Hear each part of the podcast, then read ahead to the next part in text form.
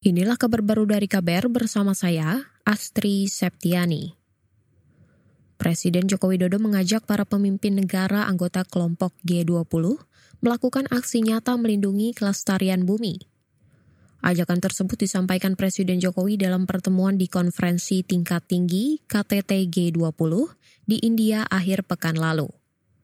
Dalam penjelasan pers hari ini, Menteri Luar Negeri Retno Marsudi mengatakan, dalam pertemuan itu Presiden Joko Widodo juga menekankan upaya masif dan radikal guna mengatasi perubahan iklim.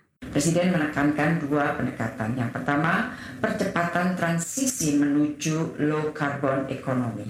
Presiden menilai komitmen negara maju masih terbatas retorika dan di atas kertas, baik untuk pendanaan climate sebesar 100 miliar US dollar per tahun maupun fasilitas pendanaan loss and damage. Untuk itu Indonesia mendesak pentingnya alih teknologi untuk investasi hijau.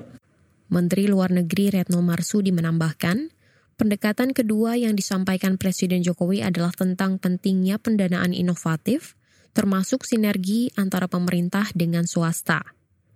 Presiden Jokowi juga menyampaikan apa yang sudah dilakukan Indonesia tahun lalu – Antara lain yakni menekan laju deforestasi hingga 140 ribu hektar, merehabilitasi hutan dan lahan seluas 77 ribu hektar, dan melakukan restorasi mangrove seluas 34 ribu hektar. KTT G20 di India dihadiri beberapa pemimpin negara termasuk Amerika Serikat dan Tiongkok. Penggunaan pinjaman online atau pinjol di kalangan anak muda dan perempuan saat ini dinilai meningkat tajam. Peneliti Indef Nailul Huda mengatakan, kalangan anak muda menjadi incaran perusahaan pinjol baik yang legal maupun ilegal karena memiliki sifat konsumtif yang lebih tinggi. Untuk rata-rata pinjaman ya, untuk yang usia di bawah 19 tahun itu hanya 702 rupiah. Nah, tapi ketika Juli tahun 2022 itu rata-rata pinjaman untuk masyarakat yang dia berusia 19 tahun ke bawah itu 2,5 rupiah. Di tahun ini per Juni tahun 2023 itu mencapai 2,3 juta rupiah. Peneliti Indef Nailul Huda menambahkan, rata-rata pinjaman online atau pinjol di kalangan perempuan juga meningkat tajam.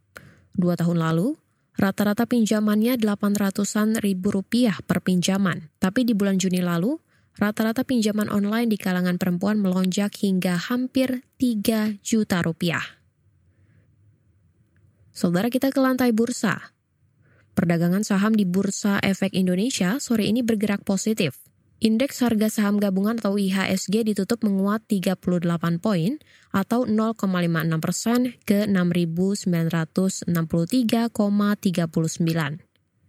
Sementara itu, nilai tukar mata uang rupiah melemah tipis 2 poin atau 0,01 persen menjadi 15.330 rupiah per dolar Amerika. Analis dari PT Laba Forexindo berjangka, Ibrahim Aswaibi menilai stabilitas nilai tukar rupiah tetap terjaga kendati ekonomi Amerika Serikat terus membaik dan The Fed masih akan menaikkan suku bunga acuan di kuartal 4 tahun ini. Ibrahim memperkirakan Bank Indonesia akan terus memperkuat kebijakan stabilisasi nilai tukar rupiah melalui berbagai mekanisme. Misalnya mengintervensi pasar falas, mengefektifkan implementasi instrumen penempatan falas devisa hasil ekspor sumber daya alam, dan penerbitan instrumen operasi moneter yang pro-market. Inilah kabar baru dari KBR bersama saya, Astri Septiani.